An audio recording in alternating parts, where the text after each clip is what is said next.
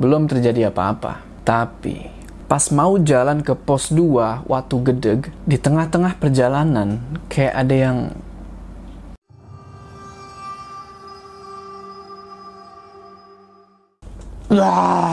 udah pada tidur belum nih? Assalamualaikum teman-teman, balik lagi sama gue Joe.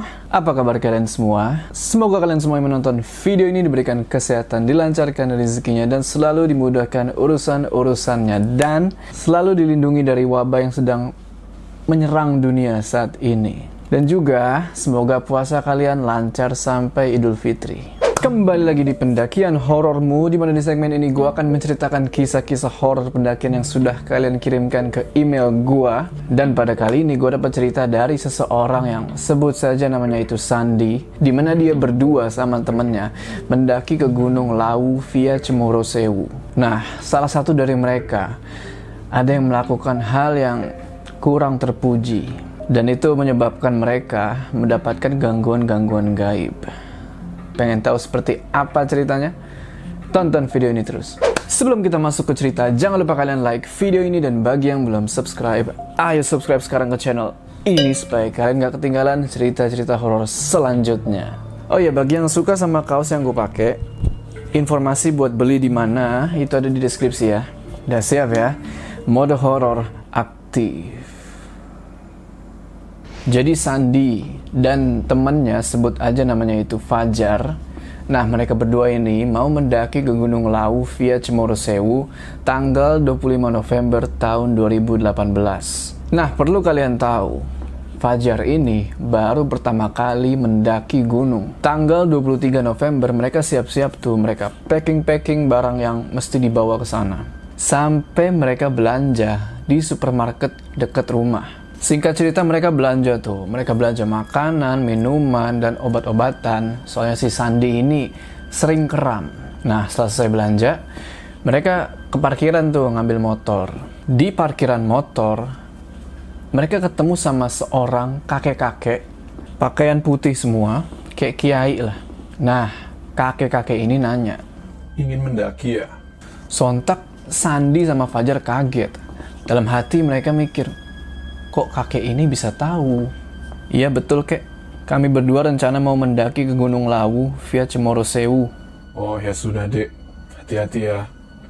Jangan lupa sebelum berangkat, alangkah baiknya jika membaca doa dan jangan pernah meninggalkan sholat. Satu lagi, ingat, jika ada yang memanggil nama salah satu dari kalian, jangan pernah melirik ke arah sumber suara itu. Iya kek, siap. Doakan kami di sana ya kek. Saya akan selalu bersama kalian, kapan pun dan di mana pun kalian berada. Setelah percakapan itu, mereka berdua pamit sama kakek-kakek itu dan pulang ke rumah. Besoknya tanggal 24, Sandi sama Fajar berangkat ke terminal bus sehabis sholat zuhur. Sesampainya mereka di terminal, kalau nggak salah waktu itu udah jam 1 lewat lah. Mereka berdua langsung nyari bus yang namanya Sudiro Tunggajaya. Sandi pilih bus ini soalnya bus ini berhenti tepat di depan base camp Cemoro Sewu. Pada akhirnya bus datang kan tuh dan mereka naik. Waktu itu kalau nggak salah udah jam setengah tiga. Perjalanan dari terminal ke base camp kurang lebih 15 jam. Nggak disangka-sangka, mereka ketemu lagi sama kakek-kakek yang pakaiannya serba putih. Yang mereka ketemu waktu itu di supermarket. Kakek itu bilang, Dek, kakek ingatkan sekali lagi, teruslah mengingat Allah jika dalam kesusahan. Itu udah pasti, kek. Kakek tenang aja. Anehnya, hanya Sandi yang bisa ngelihat kakek ini. Fajar nggak ngelihat apa-apa. Singkat cerita, mereka sampai di base camp Cemoro Sewu jam setengah enam subuh. Sandi dan Fajar langsung mutusin buat istirahat sebentar di situ. Setelah istirahat, mereka rencananya mau pergi ke pasar. Mau beli logistik dan yang lain-lain. Belum sempat mereka ke sana, hujan turun. Deres. Alhasil, mereka berdua nggak jadi pergi ke pasar. Pas lagi nunggu hujan reda, tiba-tiba ada seorang pedagang sayur keliling nyamperin mereka. Ya udahlah kan, akhirnya mereka berdua beli logistik di pedagang itu. Sambil belanja-belanja, Sandi nanya ke tukang sayur itu. Udah lama pak berjualan sayur keliling begini. Tapi, tukang sayur itu gak ngejawab pertanyaannya Sandi. Dia malah ngeluarin jawaban yang cukup bikin merinding. Jika kalian mendaki, jangan pernah menoleh ke belakang. Atau akan kalian tanggung sendiri akibatnya. Udahlah, nggak usah terlalu dipikirin. Niat kita ke sini baik kok. Cuman ingin ngeliat keindahan alam di atas sana. Setelah belanja dari tukang sayur itu, mereka masukinlah tuh hasil belanjaan ke dalam carrier. Sekalian packing ulang. Sehabis itu, mereka pergi ke Simaksi buat ngurus segala macamnya. Gak lupa doa dan minta izin sama penunggu setempat sebelum mendaki. Mereka baru mulai mendaki jam setengah sepuluh. Soalnya, HP-nya si Fajar sempet hilang gak tahu ke mana. Alhasil dia nyari-nyari dulu tuh HP-nya. Oke lah, pendakian dimulai. Dari base camp ke pos 1 was-wasan, Alhamdulillah mereka masih dilindungi. Dan mereka jalan-jalan terus sampai sekitar jam setengah sebelas, belum terjadi apa-apa. Tapi, pas mau jalan ke pos 2 Watu Gedeg, di tengah-tengah perjalanan, kayak ada yang ngawasin. Di situ Sandi masih positive thinking, ah mungkin perasaan aku aja. Jam setengah 12 mereka sampai tuh di pos 2 dan mutusin buat bangun tenda di situ. Mereka langsung masak-masak tuh, soalnya mereka kelaparan.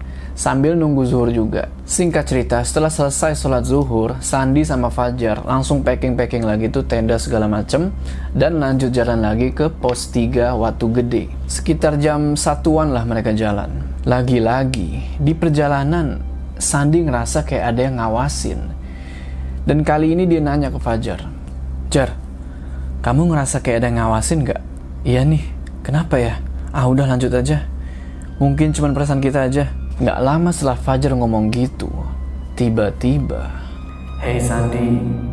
Sontak di situ Sandi kaget dan dia langsung buru-buru jalan sampai-sampai Fajar ketinggalan. Dan anehnya cuman Sandi yang dengar suara itu. Fajar nggak dengar apa-apa. Pada akhirnya Sandi sampai duluan tuh di pos 3 Watu Gede, sekitar jam 3 kurang 15. Di situ dia istirahat sambil nunggu Fajar nyusul. Dan bener aja, 5 menit kemudian datang Fajar. Fajar bilang, Woi, jalannya santai aja napa? Kamu kenapa sih? Sorry Jar, aku capek. Pengen cepet-cepet sampai pos 3 untuk istirahat. Sandi nggak cerita apa yang sebenarnya terjadi. Mereka istirahat di situ, mereka makan roti, makan cemilan, minum. Sehabis itu, mereka lanjut jalan ke pos 4 Watu Kapur. Sekarang waktu udah jam 3 sore, dan Sandi nanya ke Fajar. Jar, kalau kita geber sampai pos 5, kamu kuat nggak? Insya Allah kuat, tapi istirahat sebentar di pos 4 buat makan cemilan dan minum. Di perjalanan ke pos 4, Sandi kaget dia ngeliat ada sosok perempuan berdiri di belakang pohon, menatap ke arah mereka berdua sambil ngetawain, seakan-akan bakal ada yang terjadi di depan Sandi dan Fajar nanti. Dalam hati, Sandi bilang, "Ya Tuhan, ini belum malam. Kenapa harus ada dia?" Mereka berdua sempat terdiam tuh ngeliat sosok perempuan itu. Hingga akhirnya Sandi disadarin sama suara kakek-kakek yang manggil dia. Dek, ingat kata kakek. Sontak Sandi langsung mengarah ke sumber suara itu. Tapi di sini, dia ingat sama pesan yang satu lagi. Kalau ada suara yang manggil, jangan pernah mencari sumber suara itu. Lemeslah di situ dia. Akhirnya mereka berdua istirahat di jalur pendakian menuju ke pos 4. Sekarang waktu udah jam 4 sore. Dan setelah selesai istirahat, mereka lanjut lagi perjalanan. Selalu berdoa jar, Jangan sampai pikiran kamu kosong. Anggap aja tadi hanya pembelajaran kita buat lebih hati-hati. Fajar di situ cuma diem dan mukanya pucat. Singkat cerita, akhirnya mereka sampai di pos 4 Watu Kapur. Sekitar jam 6 kurang seperempat dan mereka mutusin buat istirahat di situ sambil nunggu azan maghrib. Di sini Fajar masih diem sambil nunduk ngeliatin tanah. Yang bikin kaget, Gak lama kemudian, Fajar nulis sesuatu di tanah. Lo mau tahu apa yang dia tulis? Sontak, Sandi langsung hapus itu tulisan dan si Fajar tiba-tiba langsung marah-marah, malah ngamuk-ngamuk dan terdengar ada suara ketawa wanita. Ternyata Fajar kesurupan. Sandi berusaha tenang di situ dan gak lama dia ketemu pendaki asal Surabaya kita sebut aja namanya Mas Chandra. Dia mau turun. Mas Chandra langsung coba menangani Fajar sambil komat kamit baca doa. Dan di situ, Fajar langsung pingsan. Setelah Fajar pingsan, Mas Chandra ngomong ke Sandi, lebih baik kamu turun sekarang, daripada keadaan makin parah. Loh, kenapa mas? Apa yang mereka mau dari kita? Mas Chandra nggak jawab pertanyaan itu dan pamit buat lanjut turun. Fajar masih belum sadarkan diri. Sekitar jam setengah tujuh, Fajar baru sadar. Dia nanya, aku kenapa? Kamu cuma capek, sampai-sampai kamu ketiduran di sini. Karena dengar kata-kata Mas Chandra yang tadi, yang kamu turun sekarang daripada keadaan makin parah. Sandi ngajak Fajar turun, tapi Fajar malah marah-marah dan pengen lanjut sampai ke puncak. Kok kamu tega sih? Aku belum pernah ngeliat keindahan alam dari atas sana. Bukan gitu. Kita cari aman aja. Fajar ini belum ngerti situasinya. Dan Sandi belum cerita ke Fajar. Ya udah kalau kamu mau turun, turun aja sendiri. Aku sendirian ke puncak. Akhirnya Sandi ngalah dan mereka berdua lanjut pendakian. Jam 7 mereka mulai jalan dan sepakat buat ngecamp di pos 5. Di perjalanan ke pos 5, Sandi ditampakin sama sosok tinggi gede, berbulu, hitam, matanya merah.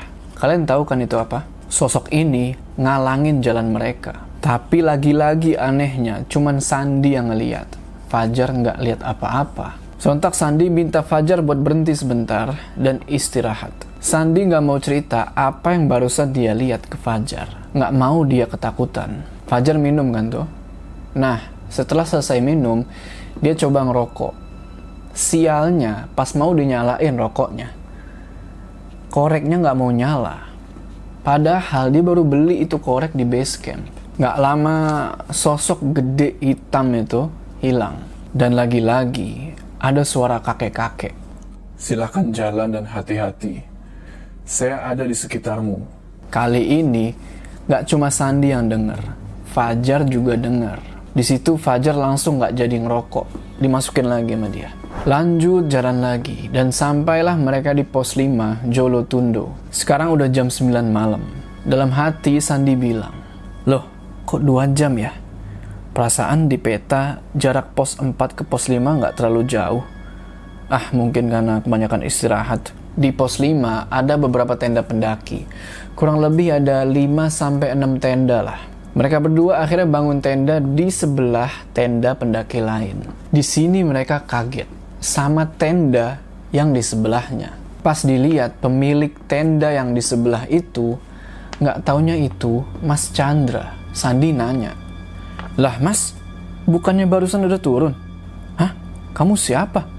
Pendaki asal mana? Saya baru mau turun besok pagi. Makin pusing lah Sandi.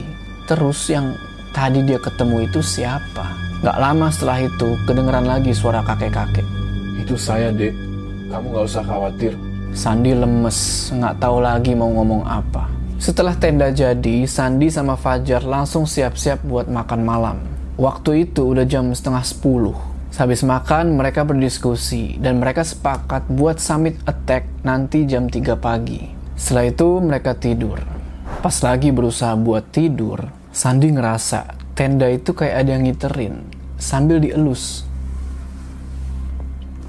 Di situ mereka berdua ketakutan, padahal itu baru jam 10. Sandi langsung doa, dan akhirnya makhluk itu pergi. Gak sampai di situ. Beberapa menit kemudian, kedengeran suara laki-laki. Suaranya itu menggelegar. Suara itu bilang, Aku ingin darah. Makin ketakutan mereka berdua. Sandi terus ngomong dalam hati, Aku mohon pergi, jangan ganggu kami. Kami hanya ingin mendaki dan melihat keindahan alam. Setelah itu, suara tersebut nggak kedengeran lagi. Nggak lama kemudian, akhirnya mereka tidur juga. Nah, di dalam tidurnya, Sandi mimpi. Dia mimpi ngelihat sosok hitam gede berbulu, mata merah. Ingat kan yang di perjalanan ke pos 5 itu? Yang ngalangin jalan? Nah, makhluk ini lagi berantem sama kakek-kakek yang pakaiannya serba putih. Dan kakek ini bilang ke makhluk itu, Jangan ganggu anak itu. Dia adalah cucuku. Saya tidak akan melukai cucumu. Saya hanya akan mengambil anak yang sedang bersamanya.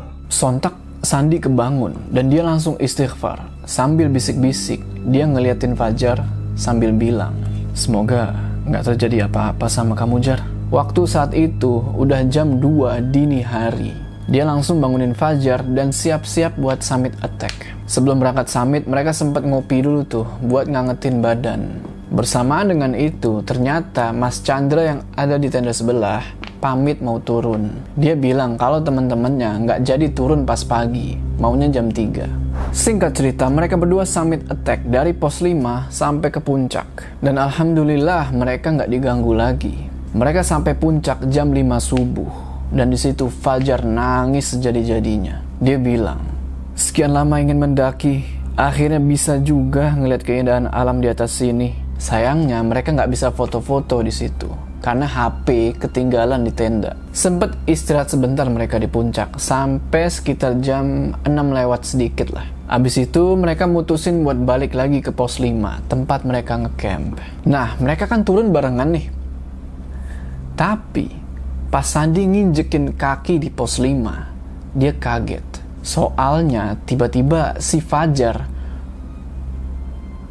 kok nggak ada. Sandi positive thinking mungkin Fajar ketinggalan di belakang. Waktu itu udah jam setengah 8. Lumayan lama Sandi nunggu. Akhirnya Fajar muncul juga. Di sini Fajar ngos-ngosan. Sandi terus nanya, "Kamu kenapa, Jar?" "Aku ngejar kamu loh dari puncak sampai sini." Kamu lari nggak berhenti-berhenti. Kamu nggak capek? Sontak Sandi kaget. Dia jawab, Loh, perasaan aku nggak lari sama sekali. Dari tadi kita jalan barengan.